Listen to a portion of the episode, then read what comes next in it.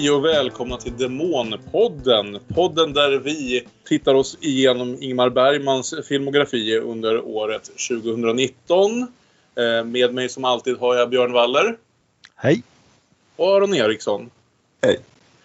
Eh, målet med den här podden är väl att eh, ta en lite lättare titt kanske på Ingmar Bergman som, som filmartist och hitta det roliga i den store skaparens många verk och hitta en ny vinkel på några av de mest diskuterade svenska filmerna från framförallt det förra århundradet. Eh, vi är här idag för att tala om Ingmar Bergmans andra film som regissör, Det regnar på vår kärlek, från 1946. Ej att förväxlas med Det regnar köttbullar. Jag börjar som varje vecka med att läsa ett kort synopsis av filmen ur regi Bergman eh, för de av er som lyssnar på det här utan att ha sett filmen eller som bara behöver sig lite påminnelse om vad det var som faktiskt försiggick.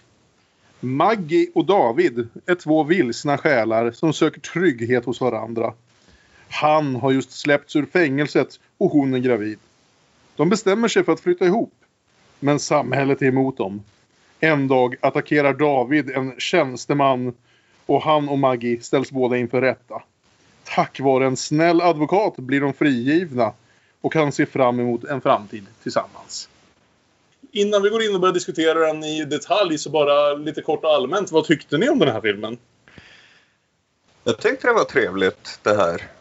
Ett stort steg uppåt från förra veckans film Kris. Där Kris hackade sig fram så hade han nu ett flyt, kunde berätta en historia. Inte en komplicerad historia nödvändigtvis, men den flöt på som en historia på ett sätt som Kris inte gjorde. Ja, jag håller med. Det, jag tycker det, den har några rejäla longörer filmen där den liksom går på tomgång i en kvart, 20 minuter någonstans i mitten där. Men den, den är ju den är mycket charmigare och mycket, ja som sagt den har bättre flyt än den första filmen. Det är också notervärt att det här är ju faktiskt den första remaken i Bergmans hela filmografi. Den är baserad på, förra filmen var ju baserad på en dansk pjäs. Den här är baserad på en norsk pjäs som heter Bra människor.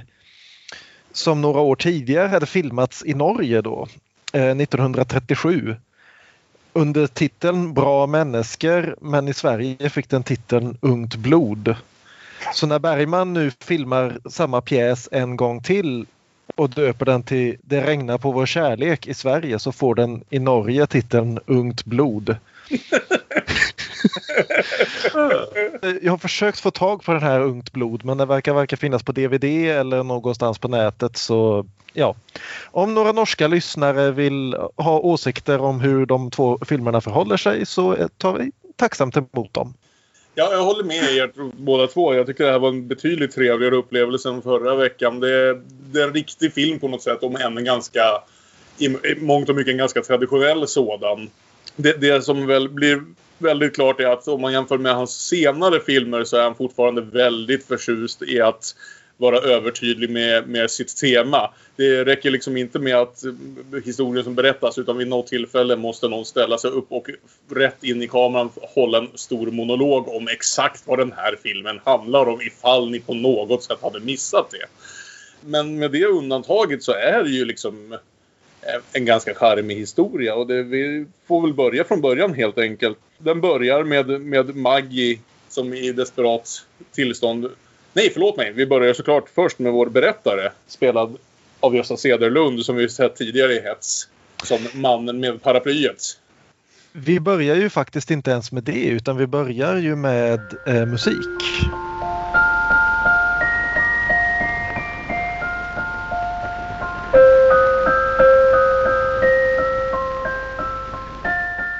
Mm.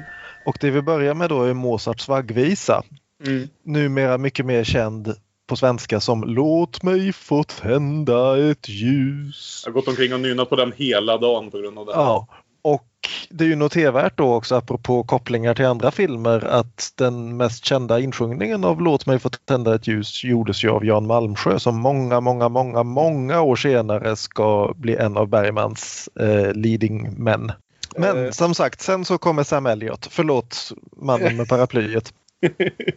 ja, och honom måste jag väl säga att han är något av ett svagt kort i filmen. Ja, jag Vi tyckte mycket lite. om Gösta Sedelund i Hets. Man hoppades ju att han kunde vara en ganska duktig berättarröst slash ängel, vakande ande. Men var han inte lite tråkig? Jag tycker framförallt han gjorde hela grejen så övertydlig. Jag tyckte det började i den här första scenen var jag med honom. Jag tyckte det var liksom det är väl där liksom filmens charm börjar på något sätt med det här att faktiskt ha en, en berättare som bryter fjärde väggen mer än vad, än vad till och med Gustav Molanders berättarröst i kris gjorde. Och pratar direkt till publiken om vad det är för slags film vi förväntas se och vad vi ska tycka och tänka om personerna i den. Ni kanske undrar vem jag är?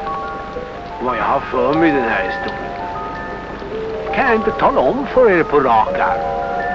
Jag skulle faktiskt vilja påstå att det är en hemlighet. Jag kan tala om vad jag heter. Nej, nej det gör förresten detsamma. Min uppgift är att sätta er in i vad som kommer att hända. Jag, jag hade kunnat klara mig med lite mindre av honom till slut när man ser filmen som helhet. Men om vi nu håller oss till den här första introduktionen så tyckte jag det kändes ganska, ganska roligt, ganska mysigt. Jag var li lite förtjust i det greppet. Jag tyckte också det signalerade att det här skulle bli en lite lättsammare historia. Även de Bergmans lättsammare filmer har alla tyngre stunder minst sagt. Man, jag vet inte, vi väl, kan få väl se på det i slutändan vad som är den lättsammaste Bergman-filmen. Men det känns som att man aldrig und, undslipper mörkret helt och hållet när man har med Ingmar att göra. Men sen får vi träffa Maggie. Mm återigen precis efter Jack eh, ytterst osvenska amerikanska namn. Eh, jag vet inte om jag någonsin tidigare har hört talas om en om en svensk människa som kallas för Maggie på det här viset. Men det är kanske bara jag som återigen har för dålig koll på 40-talet Sverige. Som sagt, det här är ju 40-tal. Vi kommer in mer mm. på det senare. Men det, det, är ju, det är ju inte helt ovanligt faktiskt att ha engelskspråkiga smeknamn alternativt sådant som låter som engelskspråkiga smeknamn bland folk födda på 20-talet där. Att det var ju liksom ändå, USA var ju de som seglade upp där under 40-talet. Så det, det var en grej helt enkelt. Ja, Eh, och Maggie mm, möter vi i ett desperat tillstånd. Hon är av någon anledning på vild flykt från Stockholm. Hon begär en biljett så långt bort som hennes 29 kronor och 50 eh, öre kan ta henne. En enkel tredjeklass Furusele. Jag hinner väl? 36 och 25. Eh, och station före? 32,90. Och station före den? 30,80. Och station före den? 29,60. Ja, den tar jag. Ge mig den. Varpå hon direkt missar tåget och står där med biljetten i hand. Och här har vi två fantastiskt roliga scener faktiskt. Det här, här är liksom slapstick-regissören Ingmar Bergman som vi sällan, sällan får den cred han förtjänar kanske. Vi får se hur mycket oftare vi får se honom. Men vi har först scenen där då våra två älskade Tu möter varandra i en sån här klassisk meet cute när de springer ihop och äpplen rullar över hela golvet. Därför att de är så väldigt trängda av den här folkmassan. Men de har inte haft råd att faktiskt anställa 200 statister så det är sådär 4-5 personer som ska försöka låtsas vara en folkmassa. Och sen så några sekunder senare så ser vi då hela det här folkmassan som skulle med tåget, samma 4-5 personer, som kutar förgäves efter ett bortflyende tåg. Och det är så alla missar tåget, alla springer efter tåget. Det... SJ, då åk nu. Mm. Ja, precis. ja, var på, vad heter det, vi då träffar David spelad av eh, Birger Malmsten. Eh, Maggie kan vi säga spelas av Barbro Kollberg och eh, David direkt börjar med att mansplaina det här med tågförseningar för henne. Vilket alltid är ett charmigt första intryck att ge. Du känner ingenting till att ha så bråttom. Ska man med så kommer man med. Det tar inte många minuter innan de eh, kommer fram till att deras gemensamma brist på kosing för dem till ett dubbelrum av kanske lite sämre kvalitet. Som någon slags... Frälsningsarmén. De käkar Jaha, ursäkta mig. Det, det, det missade jag helt och hållet. Okej. Men den fromma Frälsningsarmén får en känga att här får man minsann inte komma in om man inte har en resväska med sig. Då Nej. dömer de de hycklarna. Ja, det är ju, märks ju redan här att eh, det är en film som kommer ställa sig på de här fattiga unga människornas sida mot eh, alla former av översittare. Oavsett om vi pratar om polisen, om kyrkan, bara om byråkratin i allmänhet. Alla som gör det svårt för unga människor att leva sina liv i 40-talets Sverige. David försöker först nästan vad som känns som tvinga sig på Maggie. Men eftersom det här är en 40-talsfilm så är det väldigt snabbt förlåtet och leder såklart till stor kärlek på kort tid. För att filmen ska börja handla om någonting behöver de här två träffas och bli ett par. Det är liksom, och det känns som att den är inte så där jätteintresserad i hur det faktiskt händer. Det är vad som händer när de väl liksom är tydda till varandra så, så, som är det som intresserar Bergman. Så därför kan jag väl också känna att de här första scenerna Ja. där de faktiskt träffas och ska fatta tycke för varandra är lite tafatta. Eh, De verkar inte riktigt så charmiga som man kanske... Alltså David verkar direkt otrevlig kan jag tycka i, i början. Eh, han ska ju vara såklart alltså, nyss utsläppt från kåken. Han ska vara eh, lite av en bad boy precis som Jack i Kris. Men de hittar inte riktigt rätt ton Nej. för honom i de här första scenerna. Utan det, det, det är sen när de eh, ger sig ut i regnet på jakt efter antingen ett ställe att bo eller ett tåg att åka med. Eller bara någonting att göra härnäst som, som filmen ändå börjar hitta sin rytm lite grann kan jag känna. När de är fast i den här regnstormen och eh, förföljs av en hund som kan gå på två ben. Och eh, som för en sekund ser ut att bli överkörd av, av, tåget som de, av tåget som de så gärna vill med. Men återigen missar. Okej att vi ska vara på, på David och Maggis sida mot alla de här översittarna. Allting som försöker trycka ner dem och så här. Men de är också ganska jäkla klantiga gång på gång i att faktiskt ta e- någon som helst eget ansvar för sina liv eller vad som pågår. De missar tåg. De verkar inte ha någon som helst liksom, grundkunskap i att vara vuxen. Eh, att, stå, att se över sin situation eller att liksom veta hur ens de mest basala sakerna kring levernet fungerar. Det är typiskt millennials alltså. De klarar inte av de mest elementära kunskaper som deras föräldrar hade. Nej. Om både Hets och Kris var filmer som väldigt tydligt utspelade sig under kriget, Mm. specifikt under krig, krigets slutskede, så känns det här som en efterkrigsfilm. Att här är det liksom, vi har dragit ett streck i sanden, nu är det en ny värld och vad händer nu? Ingen vet. Nej. Det är, liksom, det är liksom Jack, eh, friskriven soldat, han har suttit inne och han har ingen aning om vad han ska göra med sitt liv. Nej. Nej, så de driver runt där i regnet tills de blir nästan överkörda av tåget och eh, Maggie faller omkull och skriker Jag har brutit benen, det är ditt fel alltihop, rör mig inte! Och sen I- går hunden på bakbenen. Ja, Då Ja. känner jag att hej, nu ändrades någonting i tonen. Ja. Mm. Det, det här kanske är en ganska bra film ändå. Det Ja. finns någon slags känsla. Mm. För mitt när hon ligger där och man tycker att det här är en ganska tradig film. Så går hunden på bakbenen. En hel värld öppnas. Och genast blir filmen bättre. Jag håller faktiskt med. Det är, det är någon slags vändpunkt för, för tonen i filmen för att göra den underhållande snarare än bara liksom... Tänker försöka att inte använda ordet misärporr för mycket. vi kommer att behöva det ordet längre fram. Ja, det, precis. Hela, hela 70-talet. Men... Det eh, läste vi ju också i bilder, eh, hans kommentarer om eh, manusprocessen. Mm. Han fick det här manuset av, jag har tappat namnet, eh, han som hade skrivit första versionen av manuset. Som står som andra författare, Gerbelius. Grevenius. Ja. Här Han fick det här Bertil manuset skrivet av Grevenius.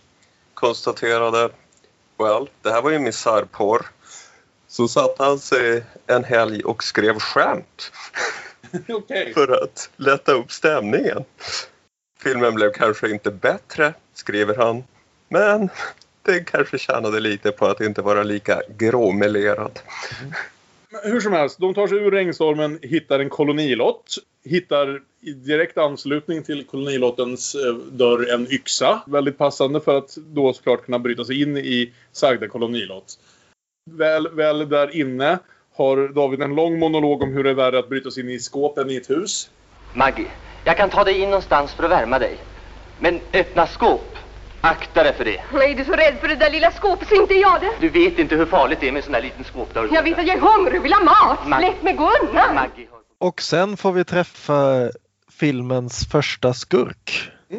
Och det här är väl första och jag ska inte svära på det men möjligen sista gången i världshistorien som vi ser Satan spela kolonistugeägare.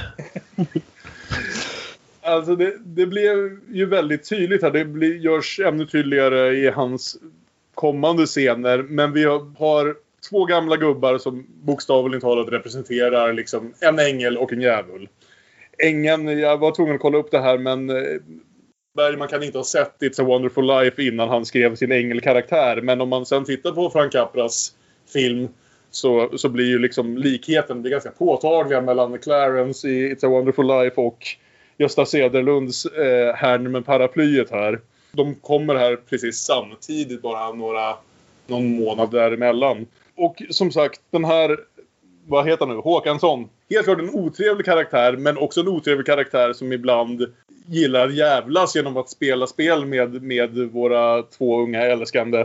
Han är en trickster helt enkelt. Kanske hans karaktär är om något mer inspirerad av Wa- Walter Houston i, i filmatiseringen av eh, The Devil and Daniel Webster som kom några år innan det här. Som också på mycket liknande sätt är liksom en sån här karaktär som smyger runt i scenerna och inte förrän i andra halvan av filmen ska man förstå riktigt vem han faktiskt är. Ganska mycket på samma sätt som här. I det lilla skåpet som David till slut bröt sig in i Ja. fanns en uppstoppad katt. Håkansson tar denna uppstoppade katt och klappar den. Man känner genast. Här. Här har vi någon. Vi kan Men- konstatera att Ludde Gentzel som spelar Håkansson året efter skulle spela Kronblom. Ja. Och att i allmänhet när man kollar upp skådespelarlistorna för människorna så är det mycket Lilla Fridolf och liknande. Det är ett gäng fina pilsnerfilmsskådespelare. Ja. Dessutom kan vi ju se här att eh, Birger Malmsten eh, som spelar huv- manliga huvudrollen ska vi ju se så många gånger till. För han är, kommer ju att bli en av Bergmans första fasta eh, samarbetspartners. Eh, Max von Sydow 1.0 ungefär. Eh, och jag tror även att det är någonstans här i den, den första kolonilotsscenen så att säga. Där innan Håkansson kommer in. Som, som David beskriver sig själv som inte en sån som man ser på bio va. Vilket alltid är ett sånt här statement som jag letar efter i, i filmer. En film som hävdar vi är minsann inte som alla andra filmer. Vilket känns som alltid ett av de mest desperata sätten att liksom försöka sticka ut från mängden. Vem trodde du att jag var då? Någon förklädd kille från The Upper Ten. Sånt som man ser på bio va? Men den här gången ska det inte bli som du tror. Håkansson till att börja med bussar polisen på dem. Polisen kommer, kommer dit och visar direkt filmens premiss om alla översittare när, genom att de direkt och egentligen utan förvarning spöar skiten ur David snarare än att bara liksom haffa honom och ta in honom. Varpå Håkansson snabbt ändrar sig och säger att han ändå tänker hyra ut den här kolonilotten åt det unga paret. Det är väl det här typiska eh, deal with the devil grejen att Håkansson ju där väldigt fort ser till att de blir skyldiga honom. Han kommer att komma förbi en gång i veckan och hämta hyran. Ja men vi har inga pengar. Ja men då har jag ett jobb åt dig här. Så så länge du behåller det här jobbet så har du någonstans att bo. Precis. Så, så David och Maggie börjar sitt liv i kolonilotten. De har ett, en intressant granntant med några lika intressanta vänner som i vad heter det, rollistan bara beskrivs som Kängsnöret och Stålvispen. Vilket är, Och granntanten spelas av den här gamla revytanten Caesar. Julia Caesar. nu Som- mest som- känd för sitt twittrande. Som vi såg i två sekunder i kris men som ju får en mycket, mycket större roll här. Och hon inleder väl en av de trender som jag tycker filmen lider av lite grann, nämligen att bifigurerna är bra mycket mer intressanta än vad Maggie och David är. Det är ett fantastiskt galleri med, med diverse bifigurer här jag håller Och med. kanske de mest fantastiska får vi ju herr och fru Andersson när David går och skaffar sig ett jobb. Jag har aldrig hört en så lång monolog om tomater. Någonstans. Tomater, det, det, skulle man kunna odla hur mycket som helst. Vi skulle kunna sälja det dubbla. Folk är vilda i tomater. Ja, för fan. Tomater, tomater. Oj, oj, oj, det är fint, inte vad det är. Riktigt fin film det är. Folk är galna i att bli slanka sen. Med vilda på tomater. Tomaten innehåller allt. Det skulle kunna bli en nyckelindustri det säkert. Bara inte landet översvämmas utav en massa jävla bananer. Det är Ja. fantastiskt. Ja, herr och fru Andersson är alltså de som David får sitt jobb hos slutligen. Han, vi har tidigare sett att han misslyckats försöka få jobb hos en gammal fängelskompis som, som har blivit cykelreparatör. Han misslyckas med det men får nu istället jobb på Handelsträdgården. Precis som i Kris har vi här ett barn som inte kan spela piano något vidare värst. Så även med herr och fru Anderssons dotter. Åh, denna förbannade elefanttambo! Barnedövar! Det är en mycket svår etyd. Jag lärde mig aldrig spela den. Det är min ambition att mitt barn ska kunna den. Eh, så tem vissa teman håller som sagt i sig. Herr Andersson verkar vara ganska trivsam till en början. Visst att han gillar att smyga ut på lunchen och eh, supa lite på krogen. Men vem gör inte det i en sån här film från 40-talet? Fru Andersson är direkt mycket mer misstänksam mot David. Eh, anar väl något av hans bakgrund som kåkfarare. Och eh, tänker inte hålla honom lätt eh, nu när han jobbar för dem några mer tankar på, kring just de här? För jag, jag håller ju med om vad, om vad ni säger här. Va? Det är ju de här sidokaraktärerna. Håkansson som vår djävul som väl ändå någonstans är lite mer lyckad än, än Gösta Sedlunds ängel. Och sen då herr och fru Andersson som hårda chefer och granntanten och de två småskurkarna som, som bor ute i kolonilotterna med dem. De får ju hela filmen att kännas som en liten värld, som en ganska mysig plats att liksom, här slår sig filmen lite till ro på ett, på ett bra sätt. Efter en lite hackig start har det blivit en film som jag tycker om och jag var liksom tyckte det var ganska skönt på något sätt med en, med en lite lättsammare Bergman-upplevelse. Efter både, både hets och kris. Hets dök ner i mörkret och lyckades eh, för det mesta med det och kris försökte hänga efter men, men snubblade varenda steg på vägen ungefär. Som vanligt håller jag med om vartenda ord.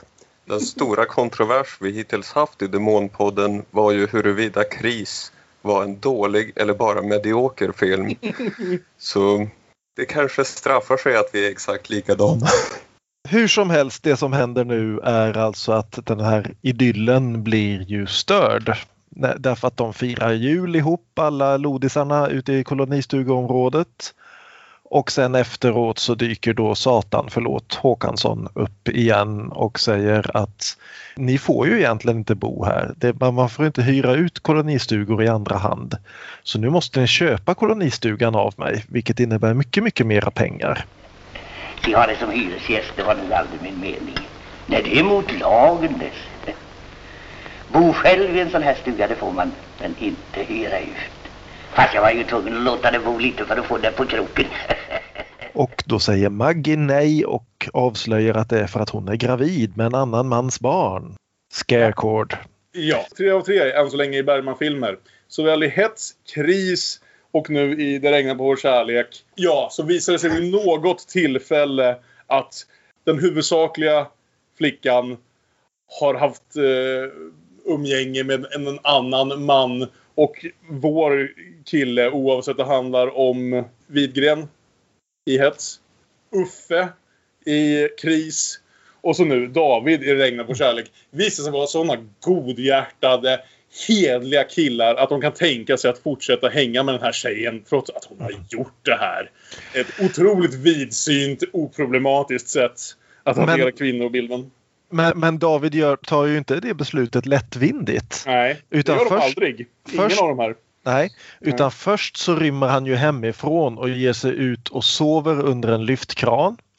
Det är alltid en signal på att man eh, går och grubblar på någonting. Och sen så går han på krogen och hamnar bredvid eh, vad jag sk- nog skulle säga är demonen själv. Mm, okej. För, för där sitter en man som inte är helt olik eh, Bergman till utseendet. Som sitter och mår så dåligt. Vad är det med dig? Är du sjuk? Sjuk?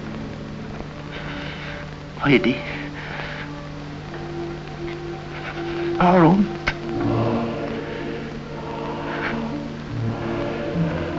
Jag blundar då ser jag de vackraste färger. Kanske ätit något. Ätit? Aj! Och så dör han. Ramlar ner på ölstugegolvet och dör. Han Och kanske då- hade ätit något dåligt för då har vi vår veckans magproblem. Ja, precis. Det är det jag tänker också. Eh, Utöver så, graviditeten som ju också är ett Ja, problem. och det här leder ju då till att David för första gången in person träffar vår kära skyddsängel, mannen med paraplyet. Som pratar lite med honom och får honom att bestämma sig för att köpa kolonistugan ändå. Vilket ju betyder att ängeln i det här fallet spelar in i djävulens planer. Exakt. Vet han vad som försiggår eller är han också lurad? Ja, du vet vad de säger. There ain't no devil, there's just God when he's drunk.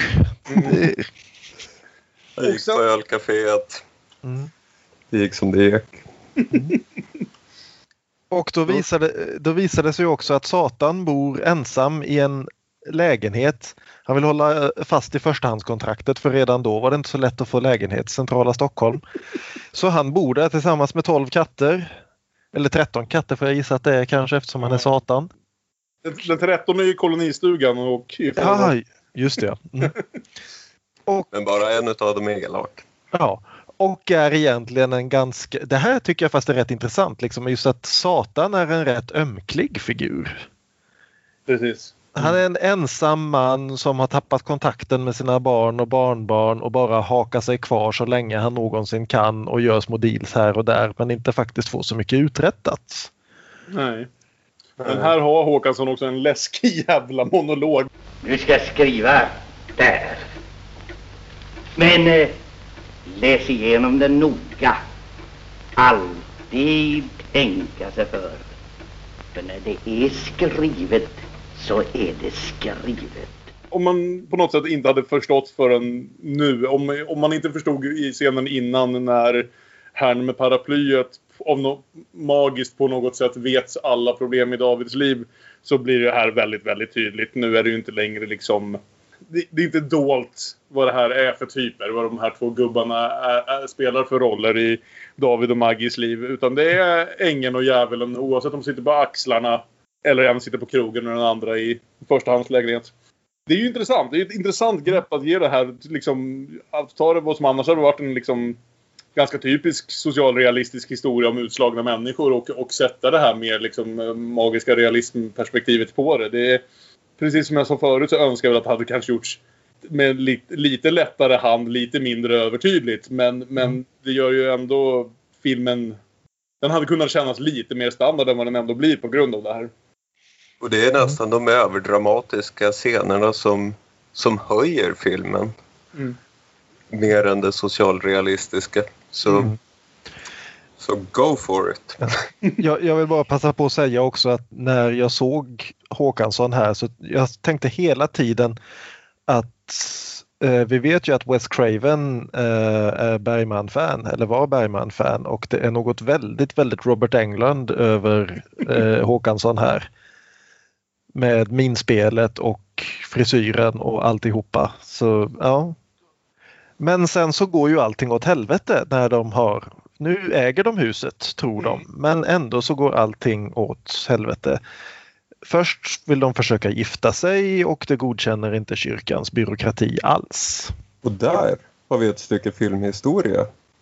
Erland Josefsson i en blink och du missar honom-roll. Är det sant? Ja just det, han står här i rollistan som tjänsteman på pastorsexpeditionen. Det missade jag helt. Han talar i telefon och hans stora replik är ja, ja. Han är också filmad bakifrån så man identifierar honom på hans lockiga hår. Det är ju en ännu mindre roll faktiskt än den som Gunnar Björnstrand hade i början av Hets. Kan Erland mig- Josefsson kände Bergman redan 1940. Har jag luskat ut här. Ja, jag googlade. Och då Josefsson 16 år, Bergman 21 år. Bergman regisserade en uppsättning av Köpmannen från Venedig på norrlatin. med Josefsson som Antonio. Josefsson berättar i sin bok Jag var imponerad, hänförd, omtumlad.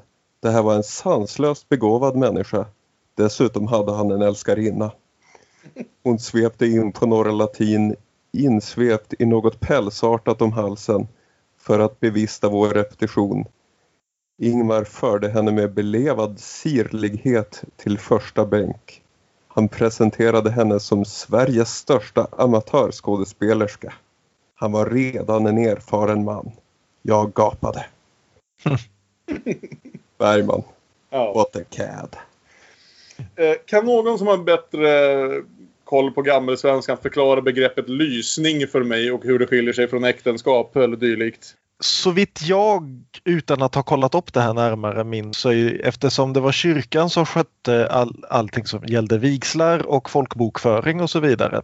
Så för att eh, giftermålet skulle vara lagligt så måste man först lysas i kyrkan, det vill säga att förlovningen i praktiken skulle liksom godkännas av kyrkan och eklateras, alltså den skulle lyftas fram och göras offentlig i kyrkan. Eh, gjordes den inte det så kunde man inte gifta sig. Och för att det ska kunna göras i kyrkan så måste det ju förstås göras i den lokala kyrkan där man kommer ifrån och eftersom kyrkan också sköter folkbokföringen, det här går ju hela vägen tillbaka till Josef och Maria och skatteskrivningen, så var man ju naturligtvis tvungen att göra det i sin egen kyrka där man faktiskt var skatteskriven. Så det här är 2000 år gammal eh, byråkratisk tradition som kyrkan minsann tänker upprätthålla. Och det, det är inte så viktigt att hindra de unga tu från att leva i synd som det är för att, att se till att kyrkan är de som bestämmer. Mm. Och det här är ju verkligen också kyrkan på sina sista ben vad gäller sådana här makter. För det är väl 1952 som, vi, som de slutligen separeras från staten, i alla fall från sådana här typer av ansvarsområden. Om du säger det så. kommer Eh, en kvinna och en man. Kvinnan har väntar ett barn med någon annan. Släpps de in på värdshuset? Nej. Mm.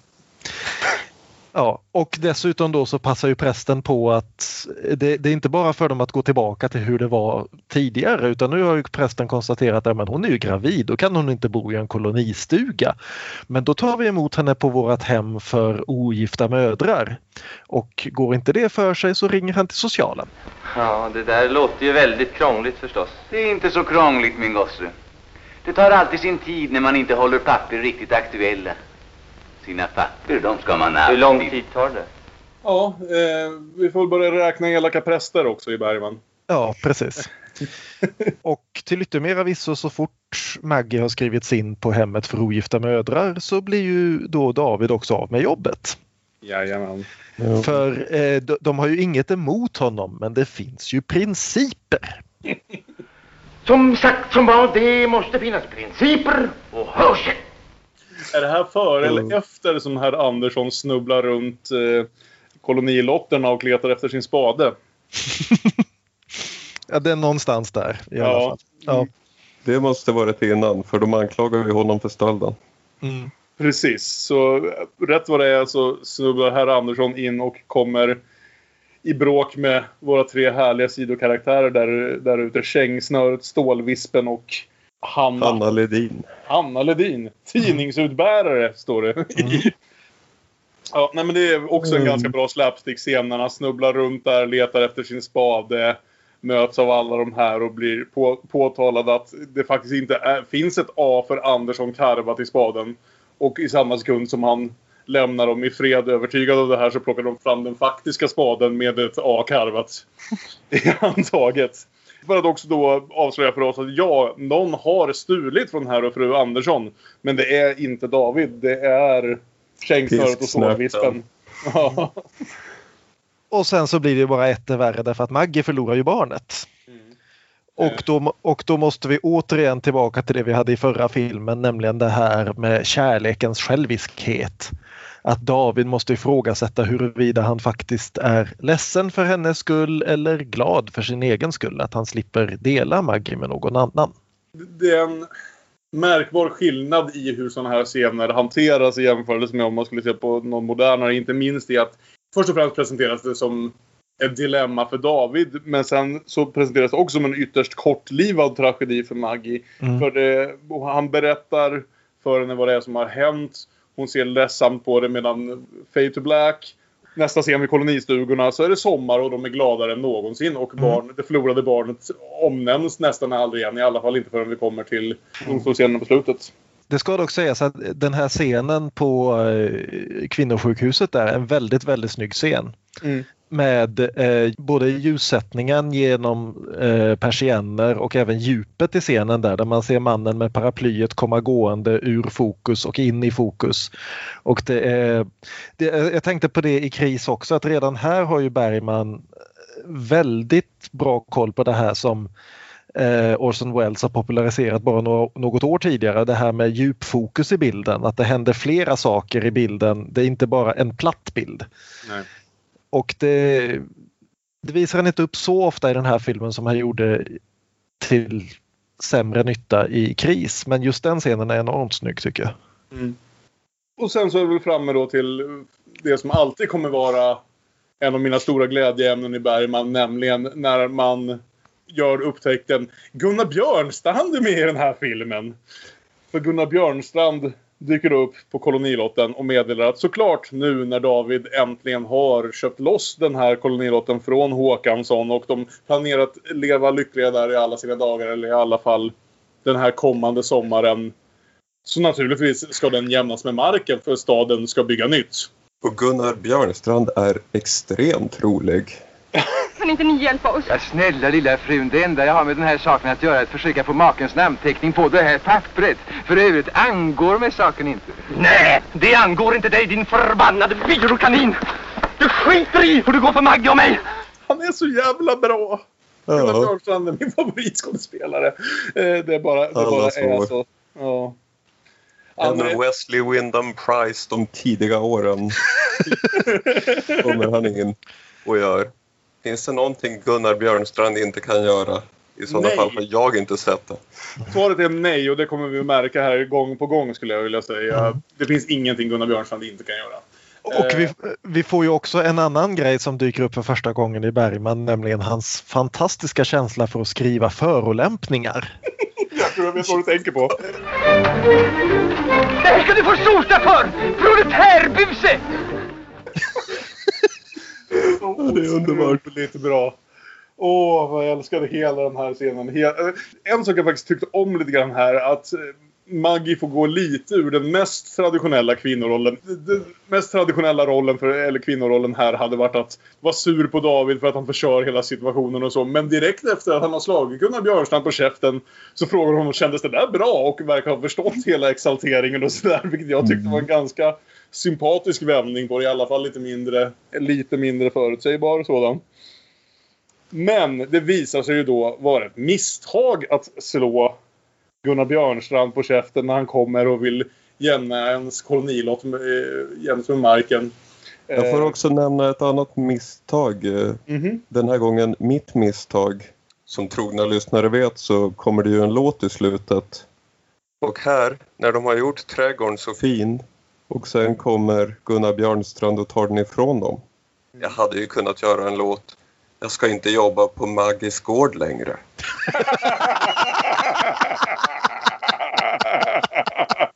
Ja, det kommer en klämkäck-bit om...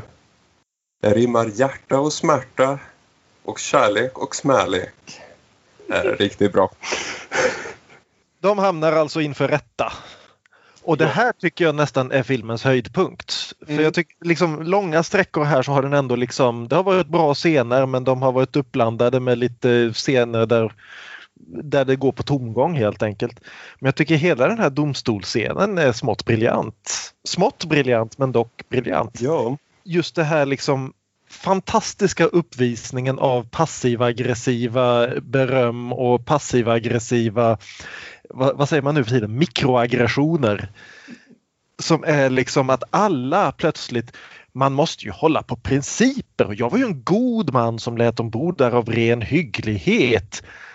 Och det är en så fullständigt detaljrik förnedring av våra hjältar då som då kulminerar i att Gunnar Björnstrand står vid skranket och förklarar att Svaranden utföll i otidigheter och övergick så småningom till brutal misshandel. Jag är upprörd, förvånad och ledsen. Jag är ledsen. Och hur vågar de unga Tu göra vår stackars oskyldige byråkrat ledsen? Ja. Snacka om kränkta vita män! Ja, men alltså otroligt. Det är ändå att se till att de kommer på rätt köl, de här unga människorna. Med en eh, skrämmande brist på ideal, känslolösa, likgiltiga för livets och samhällets elementäraste lagar, har de som vattendjur helt enkelt drivits med strömmarna. Drivits av sina lägsta instinkter av sina primitivaste behov. Utan varje tanke på att bygga upp någonting för framtiden. Utan varje tanke på att uträtta en samhällsnyttig gärning. Jag anser att samhället har skyldighet att skydda sig mot dessa individer. Lika väl som samhället har skyldighet att skydda dessa unga människor mot sig själva. Det är vår plikt som kristna, humana, upplysta medborgare i ett demokratiskt samfund. Jag har även lite för snabbt hoppat över just en av de, mina favoritsaker med hela filmen. Att inte bara byråkratin finns där och gör livet förjävligt för, för de små människorna. Utan den måste alltid också klart och tydligt uttrycka sin, sin övermakt. Tyst! Nu talar jag till er som styrelseledamot i Trädgårdsstadsföreningen och vi vill inte ha vår trevna kolonibebyggelse förvandlad till ett slumområde. Trädgårdsstadsföreningen. Ja. Och, och, att man sen, och att man sen hela tiden måste vara tacksam mot den också. För Gud förbjude att man skulle vara det minsta otacksam mot den här fina byråkratin som finns för er egen skull. Det, det, är ju där, det är ju där de verkligen blir kränkta. Så ni vill inte ha en del av det här fina som vi har byggt åt er? Liksom. Hur, det är den här prästens tolkning av hur det här samtalet mellan dem avlöpte. Där han då förklarar. Ja, det var verkligen så stimulerande att få tala riktigt varmt ur hjärtat till de två unga människorna. Men plötsligt så sprang de sin väg.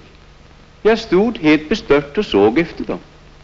Och då måste jag till min sorg bekänna att den unge mannen vände sig om och såg hånfullt på mig. Hur vågar han? Det är faktiskt fruktansvärt bra. Det är här, den knyter, filmen knyter ihop säcken här. Jag tycker den sen tappar bort den lite grann på slutet igen när Gösta Sedelund återvänder i sin roll som den magiska advokaten. Ja, du behöver få dem frikända där och du behöver kanske göra den här moralen övertydlig för biotittarna men jag hade nästan hellre velat att de hade blivit dömda där. Alltså det är ju, det är ju ett förvånansvärt, eh, vad ska vi säga, hoppfullt eller alltså lyckligt slut för att vara Bergman. Det är inte som att ja. han kommer vara liksom se på avsidan med att, med att låta sina karaktärer försvinna in i mörkret. Eh, utan det är ju snarare det här valet. Mm. Att ändå ge, att ge Maggie och David ett någorlunda lyckligt slut som, som är det ovanliga skulle jag säga. Mm. Men även där har vi lite frågetecken för herrn med paraply håller sitt brandtal. Det är det den här historien handlar om. Den handlar om två människor som förut har sagt ingenting angår oss. Därför att andra människor har sagt till dem ni angår oss inte. Och hur slutar det? De går på luffen. Mm. Det är väl ja, det... ska leva utan, utanför samhället. Fast Vilket också får mig att tänka... antyder ändå någonting annat va? Maggie antyder att det kanske ändå är dags att försöka skaffa ett jobb igen eller någonting dylikt. Mm. Det lämnas lite öppet.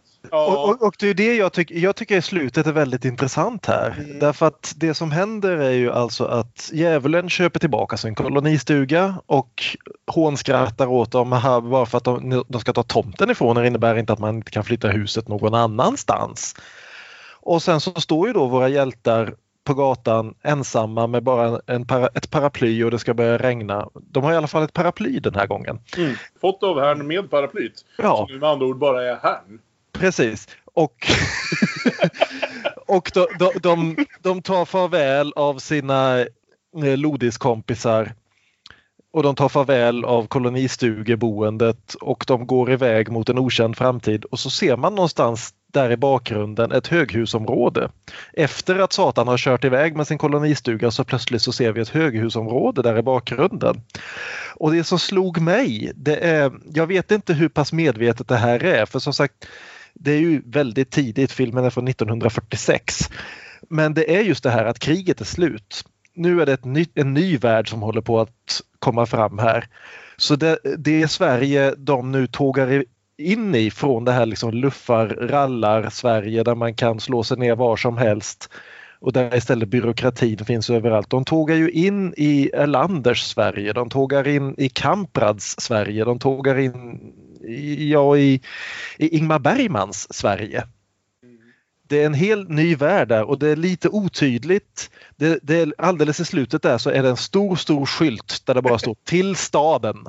Och en som står till landet. Ja. Och de befinner sig bokstavligen talat Ja. eh, in the crossroads. Precis. Robert Johnson sitter inte där men... Nej, han har redan gått sin väg. Men, men det är ju väldigt tydligt att de ska till något av det här. De ska antingen bort från samhället eller inordna sig i samhället. Jag tycker det är väldigt intressant. Liksom, det, det, det är en ny värld som ska byggas. Det finns inte längre någon plats för lodisarna. All, alla måste på något vis in i byråkratin. Det är inte nödvändigtvis en sämre värld men det är en annan värld. Ja, mitt största problem med den här filmen som helhet, och det är en film jag tycker om. Det är inget av Bergmans mästerverk, men det är, det är hans första bra film som regissör. Är ju övertydligheten, som sagt. Det här som framförallt blir problematiskt just på slutet när Gösta Sedelund eh, under de minuterna som han bestämmer sig för att spela advokat eh, måste hålla det här brandtalet rätt in i kameran som utan några som helst tvetydigheter säger det här är vad filmen försöker säga. Det är ordentligt klumpigt och det är återkommande. Det är liksom... eh, Filmen slutar ju till och med med att Maggie behöver säga som om någon kunde ha missat det. Det kanske var en ängel! Ja, det kanske Ja. var det. Han som magiskt har dykt upp från ingenstans och gett er livsråd gång på gång och sen bara ställt upp från, utan att ni har bett honom som er advokat. Det kanske var det. Den är så liksom klumpigt övertydlig men ändå liksom lever igenom det på, på sin skärm, på de här sidokaraktärerna, på skådespelet och, och på, på humor någonstans. Men vad säger ni, är det ett lyckligt slut, ett olyckligt slut, ett bitterljuvt slut? Jag tycker det är lite tvetydigt. Jag, Ja. för, för jag tänker att de går på luffen. Mm. Och därmed har sensmoralen sagts rätt ut, övertydligt. Och sen har ingenting förändrats. Mm. Vilket Förutom, också får mig att tänka på nytt på hets och kris. Hur, hur vi ska tolka de sluten. För vi har ju varit lite upprörda över dem. Först hets, hur rektorn kommer och förklarar för den unge herr Widgren att det kanske var menat det här. Mm. Kanske var det för det bästa. Kanske måste ibland en ung kvinna dö för att en ung man ska lära sig någonting om sig själv. Sen i kris så var det ju hela Uffe-historien som vi inte behöver gå tillbaka till. Den yttersta tragedin att behöva leva med en veterinär i, i Hedemora. Ska vi tolka det här som, som olyckliga slut egentligen? ja, alltså, för mig så hänger det, liksom just i den här filmen, det hänger på hur man tolkar det här liksom till staden-skylten och alltihopa. För, om det, för om det är som jag tänker där, att de går in i en ny värld, då finns det ju ingen plats för luffarna längre. Luffarna hade en plats i samhället på 30-talet. Nu är, det, nu är det folkhem. Så om de väljer att gå på luffen här, då hamnar de helt och hållet utanför. Då väljer de att vända ryggen åt samhället helt och hållet. Men nu gör jag ju det, liksom den tolkningen med 70 års, inte personlig erfarenhet men ja. Ja. Du har googlat. Vid något tillfälle under 50-talet så väljer ju Ingmar ändå att överge nutidsskildringarna för att röra sig längre och längre tillbaka i tiden.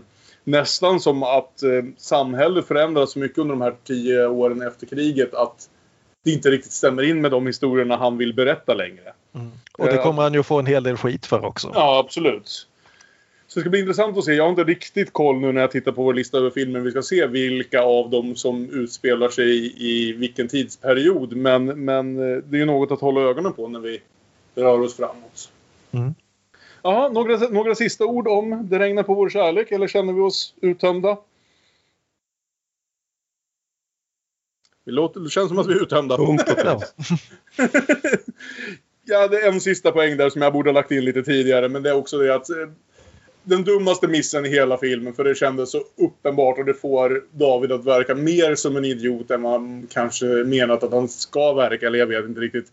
Det är det här att den första frågan som jag ställde mig när Gunnar Björnstrand dyker upp är ju såklart skulle, kommer inte staten att köpa loss tomten för några som helst pengar? Det är någonting som inte ens tas upp förrän på slutet.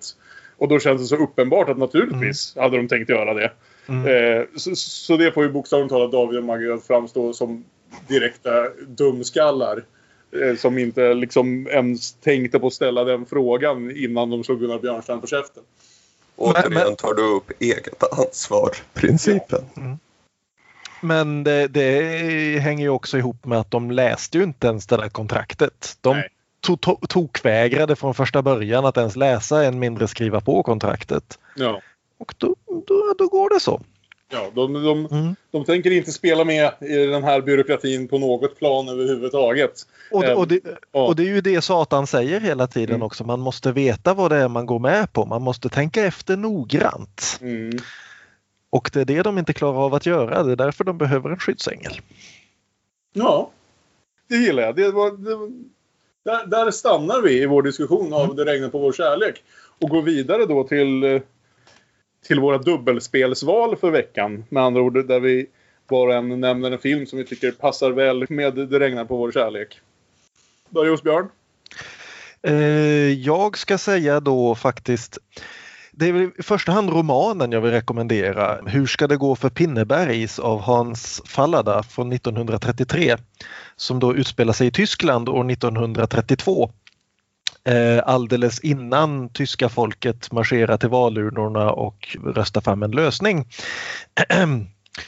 Eh, och som då handlar om ett ungt par som har blivit gravida av misstag och som försöker klara sig i samhället men hela tiden får veta att de gör fel och att det här samhället inte är byggt för sådana som dem och att byråkratin har har vissa krav på dem som inte de lyckas uppfylla. Fast betyd, gjort betydligt bättre än här. Det finns flera filmatiseringar av den här romanen. Ingen av dem som jag sett i alla fall är riktigt lika bra som romanen. Men det finns en amerikansk filmatisering från 1934-35 någonting. Som heter Little Man What Now. Och Ah. den, skulle, den skulle jag rekommendera för den är faktiskt förvånansvärt rak anpassning för att vara liksom en eh, film, en amerikansk film på en tysk politisk bok och eh, den är klart sevärd. Intressant. Aron.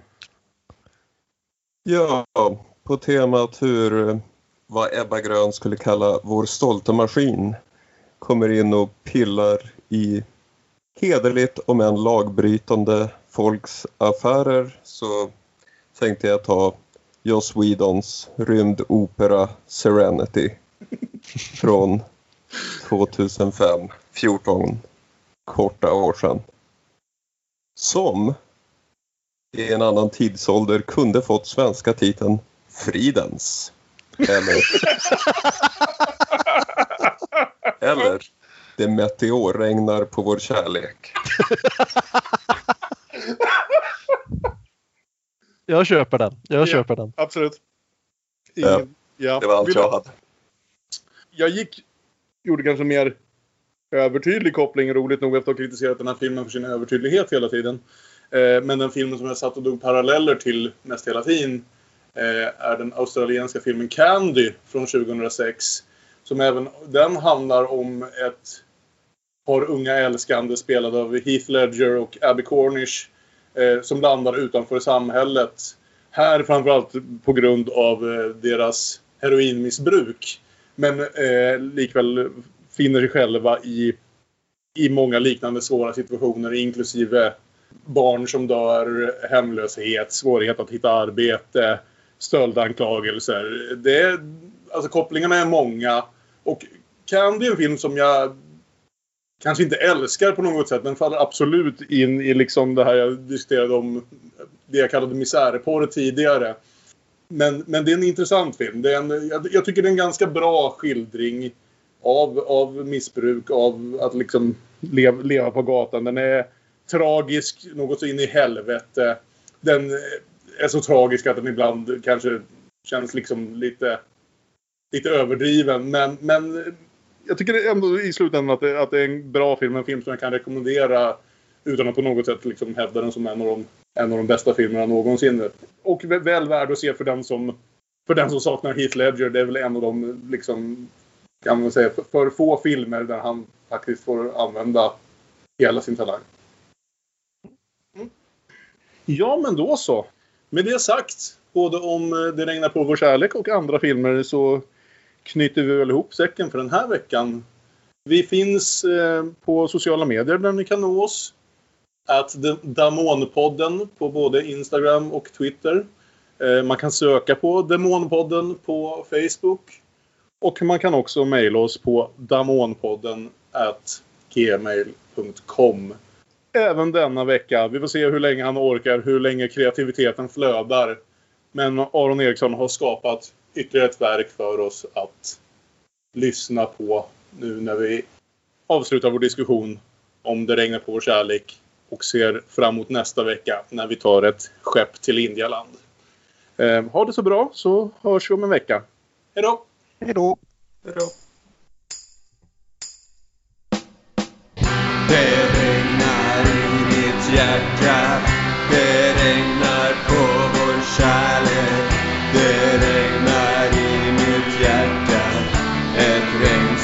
som